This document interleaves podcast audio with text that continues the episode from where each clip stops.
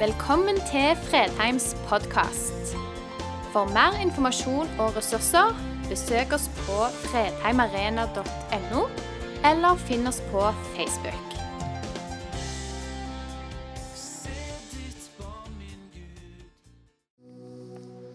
Det er godt å begynne et nytt år med at Jesus er vårt levende håp, og han lever.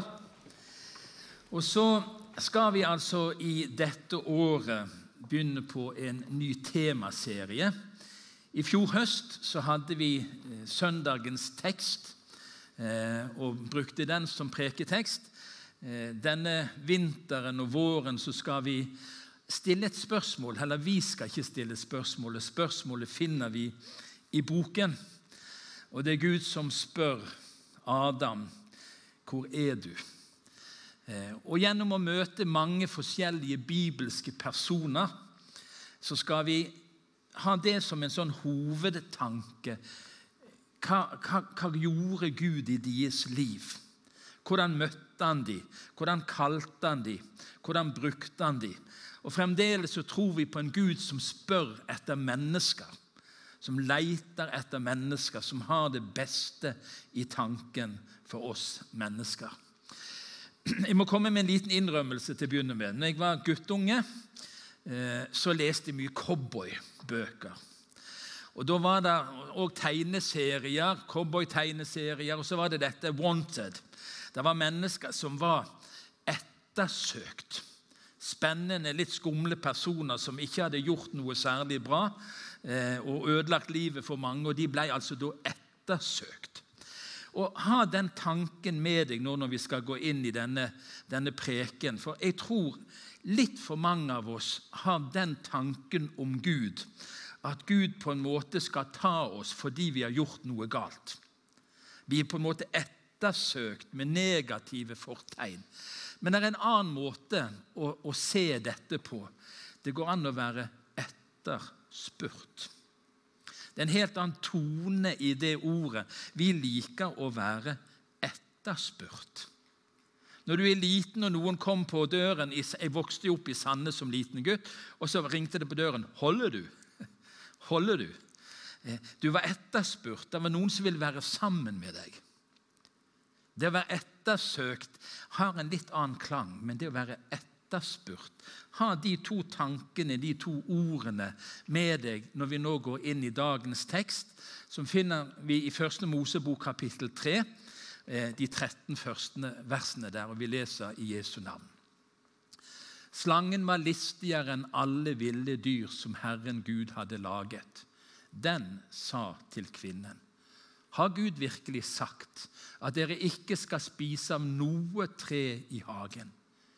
Kvinnen sa til slangen, vi kan spise frukten på trærne i hagen, men om frukten på treet som står midt i hagen, har Gud sagt, dere må ikke spise av den, og ikke røre ved den, for da skal dere dø.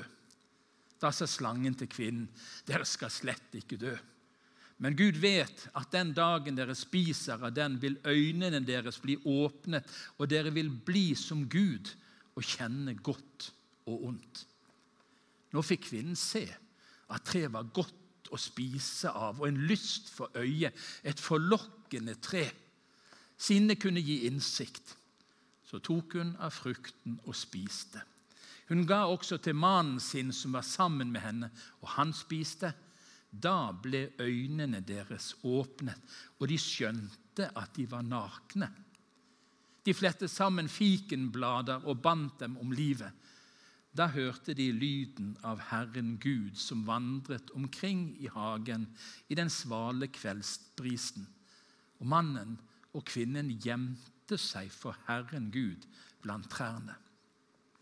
Men Herren Gud ropte på mannen og sa, 'Hvor er du?' Han svarte, 'Jeg hørte lyden av deg i hagen og ble redd fordi jeg er naken, og jeg gjemte meg.' Da sa han, 'Hvem har fortalt deg at du er naken?' Har du spist av treet jeg forbød deg å spise av?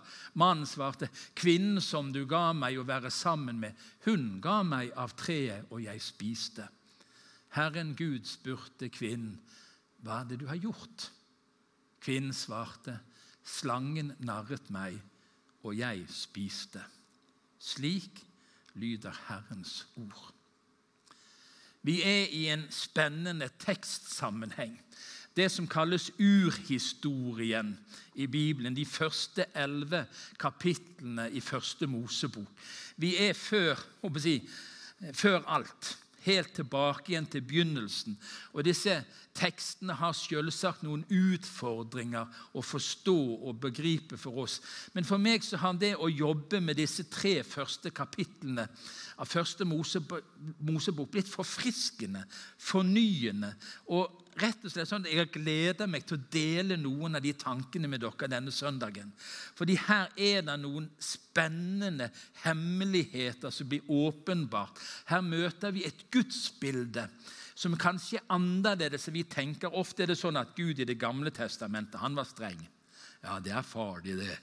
Og Så kommer Jesus i Det nye testamentet, så blir alt så mye bedre. Men når du leser disse tekstene, så utbroderes der og males et bilde av Gud som rett og slett har gitt en sånn Wow, for en Gud! Vi blir overraska over hvordan han er. Uansett hva vi måtte tenke om disse tekstene. Første Mosebok kapittel 1 er krevende.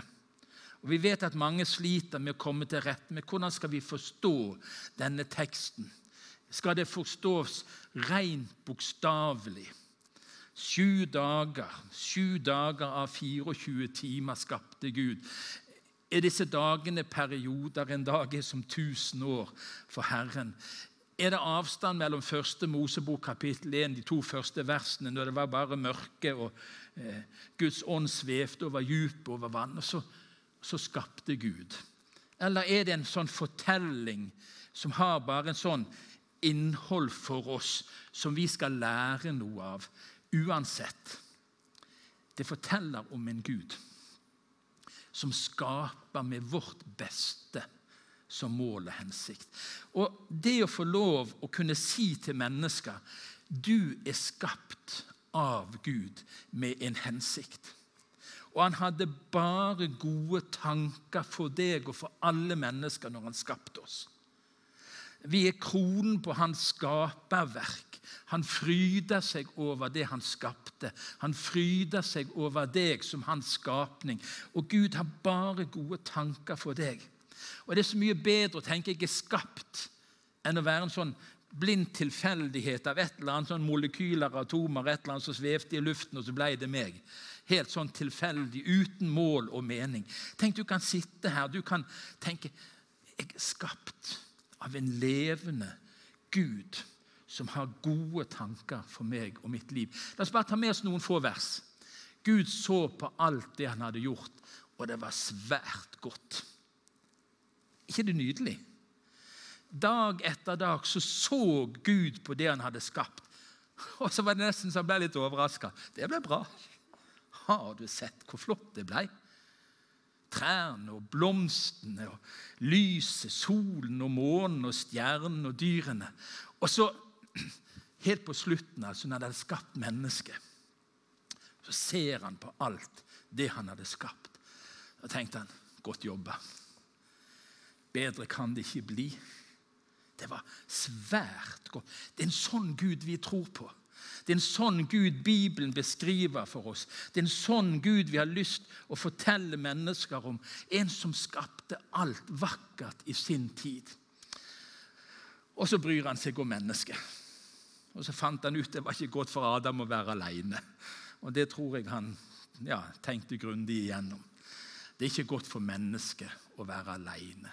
Jeg vil lage en hjelper av samme slag. Og Så kan vi lese dette, liksom bare ikke ta til oss hvor djupt dette her forteller om en Gud som ser mennesket.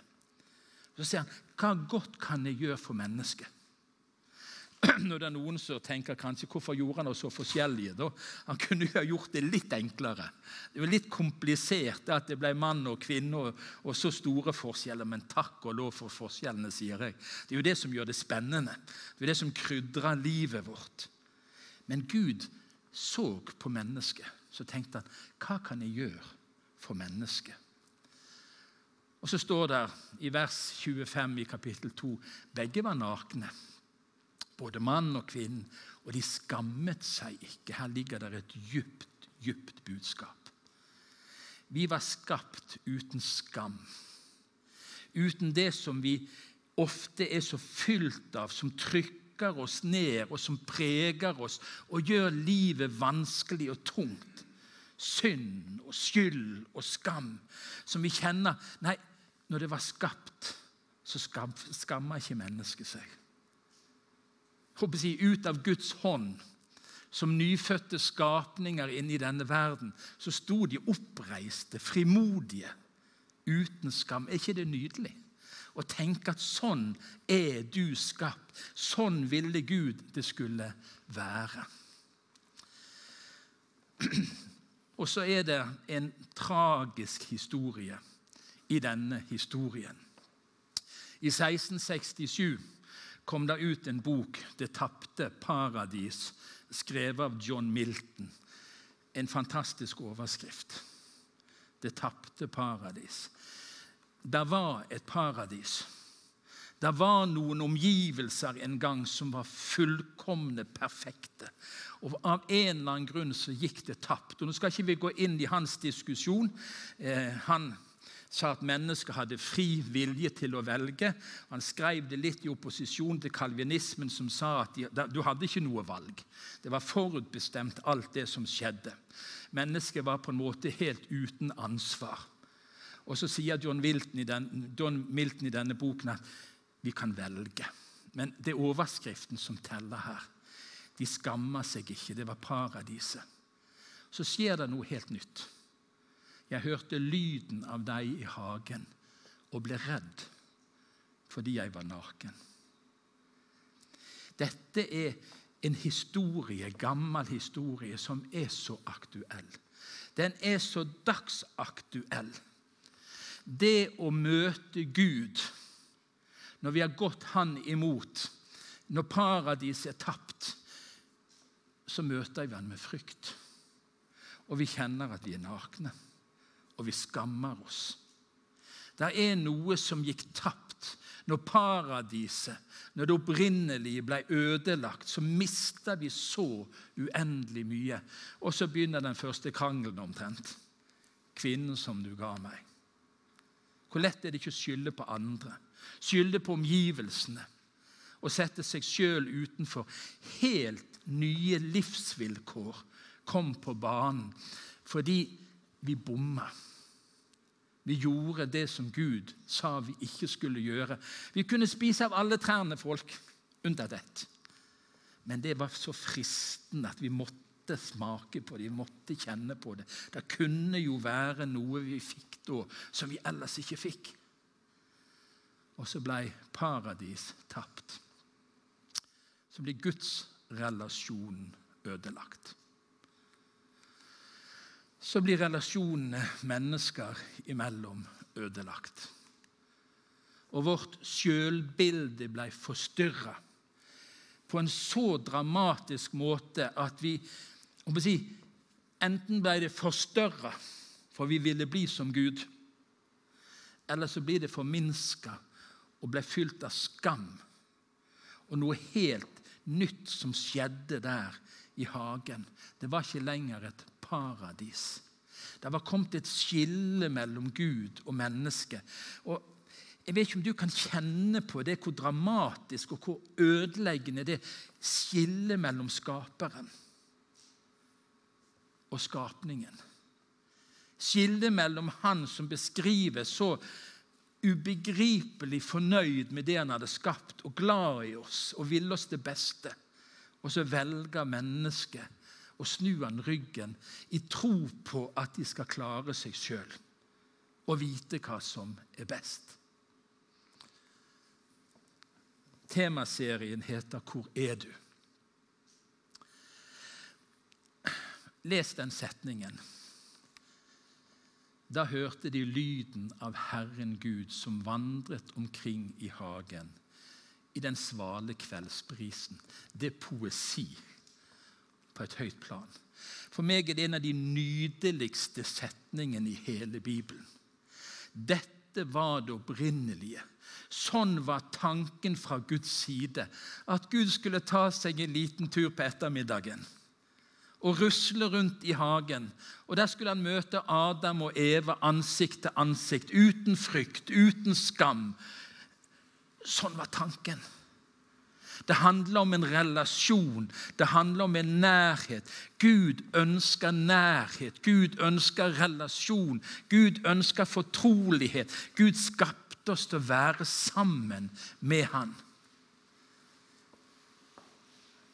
Det er ubegripelig at Han som er fra evighet til evighet, i det høye og det hellige bor Han, Han som er så annerledes, tar seg en rusletur en tidlig kveldsstund, og så skal han sjekke hvordan har Adam og Eva det. Nå skal vi prate sammen. Nå skal vi dele fellesskap. For en paradistilstand. Og så gjemmer altså Adam seg. Så blir Adam redd når han hører Gud vandre rundt. Og så kommer dette spørsmålet Hvor er du? Og Jeg vet ikke, jeg har nok misforstått den teksten noen ganger. For jeg har av og til tenkt at nå kommer han. Hvor er du? Hvor er du? sant? Og så, Hvordan kan ikke vi, bare med måten vi stiller et spørsmål på Hvor er du?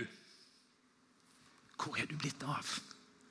Hvilken tone hører du når du hører dette spørsmålet, når du leser denne setningen i Bibelen? Hvor er du hen? Vi hører det altfor ofte som et rop i sinne. Og så blir vi redde når Gud møter oss.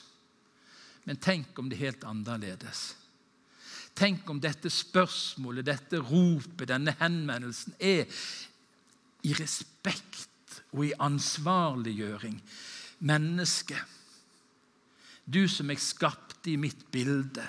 Deg som jeg satte til å råde over alt det skapte til å forvalte mitt skaperverk. Hvor er du blitt av?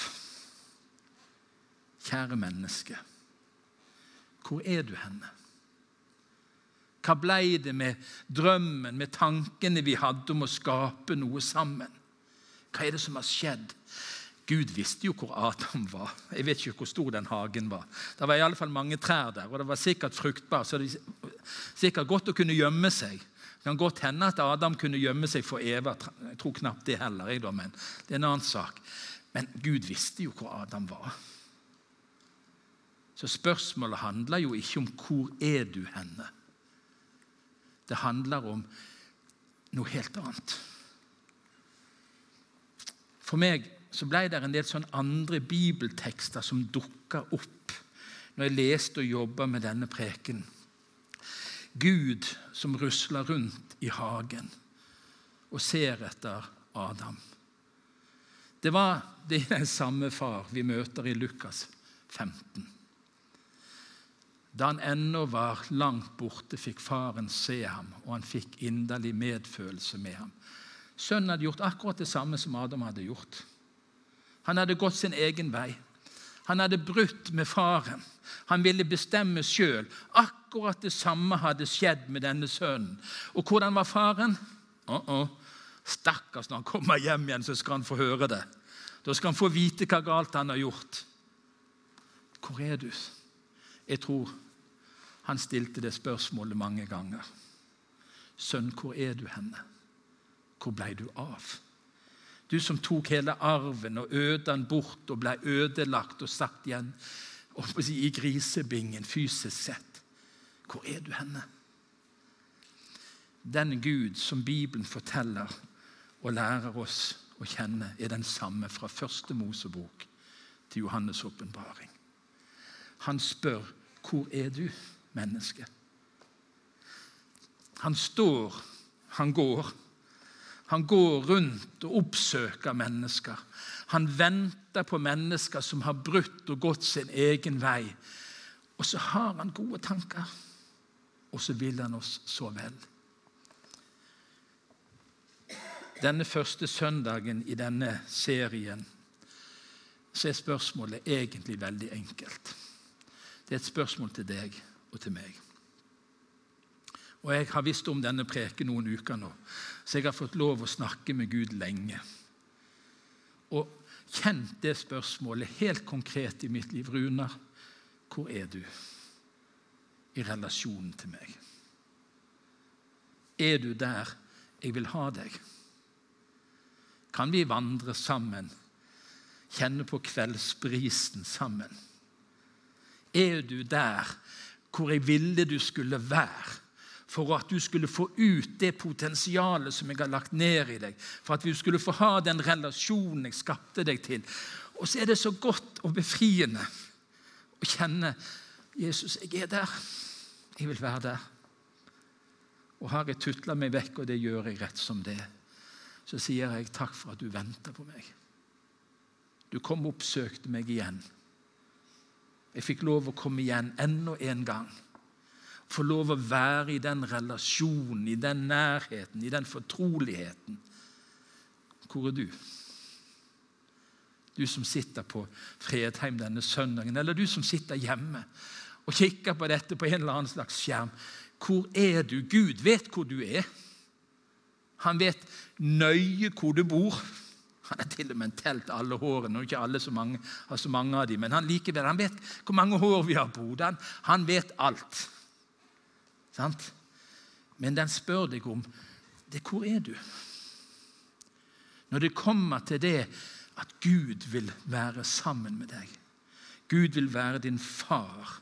Gud vil være din frelser, din forløser, din forsørger. Hvor er du i forhold til meg? Gjennom hele Bibelen så ser vi en sånn av og på Guds folk, Guds barn. De lever nær, og de går vekk.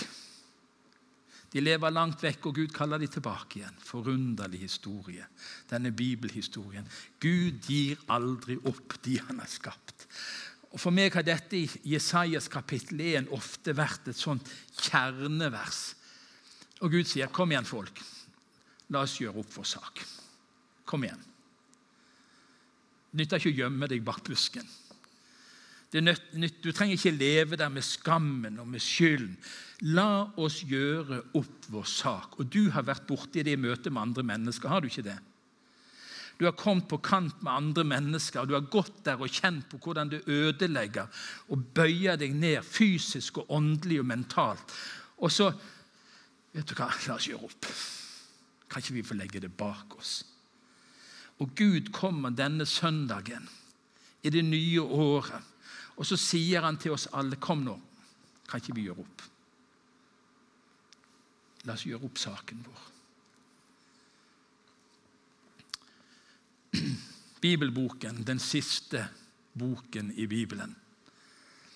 To kapitler handler om menigheter, mennesker, som nok tutler det til sånn som Adam gjorde, Eva gjorde, den bortkomne sønnen gjorde. Og så sier Gud, 'Jeg vet om dine gjerninger'. Jeg vet om dine gjerninger. Jeg vet hvor du er. Jeg stiller likevel spørsmålet 'Hvor er du hen?' for å ansvarliggjøre deg, for å hjelpe deg. Men jeg vet om deg. Vi er forunderlige. Vi, vi kan jo lure mennesker, kan vi ikke det? Vi kan jo framstå bedre enn vi er i møte med andre mennesker. Men Gud vet alt. Tankene våre, følelsene våre. Han vet alt. Jeg vet om dine gjerninger. Og så er teksten, og i alle disse syv menighetene, alle disse menneskene Gud taler til her i Johannes' åpenbaring, så avslutter han med dette. Den som har ører. Har du ører? Ja, For meg ser ut som alle som er på Fredheim, i alle fall har to stykk av det. Den som har ører. Og Nå sier han noe som handler noe annet enn de fysiske ørene våre. Han sier noe om du, Den hellige ånd, taler. Det er ikke sikkert du hører stemmen. Kanskje hører du den på en eller annen forunderlig måte. I dag har du hørt den gjennom ordet. Gud taler til oss denne søndagen gjennom sitt ord. Og så spør han, sier han den som har ører, hør nå hva jeg vil si til menighetene. Og så kan menigheten Ja, det er jo alle de andre. Nei, menigheten, det er deg. menigheten er meg. Og nå tror jeg Gud ganske enkelt denne søndagen taler til deg. Hører du? Hører du kan tale til deg? Han taler noe inn i ditt liv. Du har gjemt deg kanskje, tutla deg bak en busk eller et tre, for du hørte Guds stemme, du hørte Guds fotspor, og så ble du redd og gjemte deg. Og så sier Gud, 'Kom fram fra skjulestedet. Hør nøye etter, for jeg har noe jeg vil si til deg i dag.' Jeg har noe jeg har lyst til å utfordre deg på i dag. Jeg har noe jeg har lyst til å oppmuntre deg til i dag. Jeg har lyst til å tale noe inn i livet ditt i dag. Og Gud er så suveren at han vet akkurat hva du trenger, og hva jeg trenger. Jeg er så spent på hva Gud sier til deg. Hører du hva Ånden sier til deg i dag?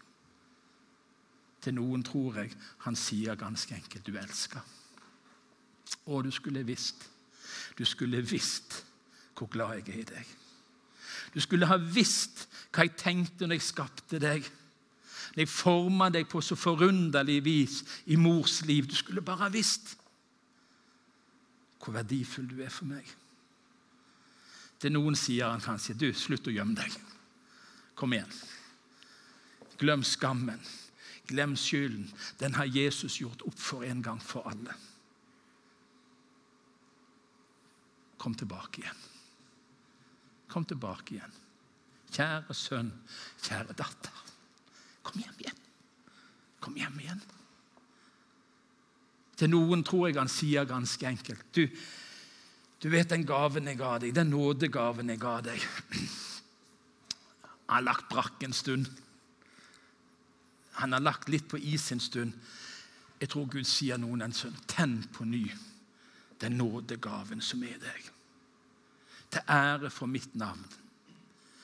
Og Jeg er så glad for at jeg tror på en Gud som er uforanderlig. Fra begynnelse til slutt. Når vi leste fra første Mosebok, og vi har lest fra Johannes' åpenbaring Vi skal ikke lese innom alle 66 bøkene. Men det er den samme Gud som skapte deg i sitt bilde, og som var så fornøyd som aldri har gitt opp å kalle deg tilbake igjen. Så kjære venner, hvor er du? Hvor er du? Hører du hva Ånden sier inni ditt liv i dag? Ta imot det. Ta imot det. Maria, som vi har på en måte feira gjennom julen sammen med Jesus, barnet. Hun gjemte det i sitt hjerte. Tok imot ordet. Så gjemte hun det. Ta imot ordet fra Herren, venner. Hør hva Ånden sier til menigheten, skal vi be. Gud, vi takker deg for du som skapte alt vakkert i sin tid.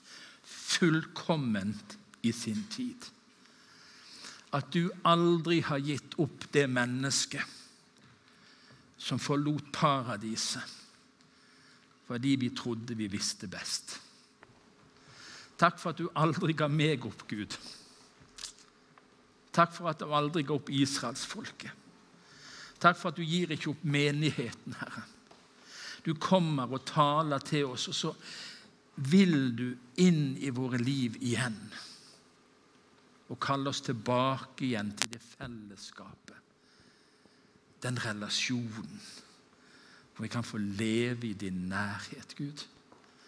Og nå ber jeg om at når vi går herfra denne søndagen, så skal vi rett og slett vandre en tur sammen med deg. Skal vi få lov å kjenne det? Vi går ikke alene, men du går der. Vi sang det før i tiden tett ved sida mi går Jesus. Alltid vil han være der. Jeg trenger ikke gå og ottast når jeg fyller Jesus her. Jeg ber for de bortkomne sønnene og døtrene som hører denne søndagen. Gud, la de få ører som hører når du kaller de vennlig tilbake igjen. For oss som kjenner deg, Jesus, og vil følge deg. Takk for at du fornyer oss, forfrisker oss. Amen.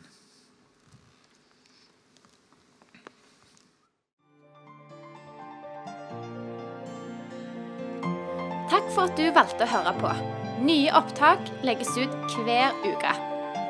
Vi har gudstjenester hver helg, og du er hjertelig velkommen.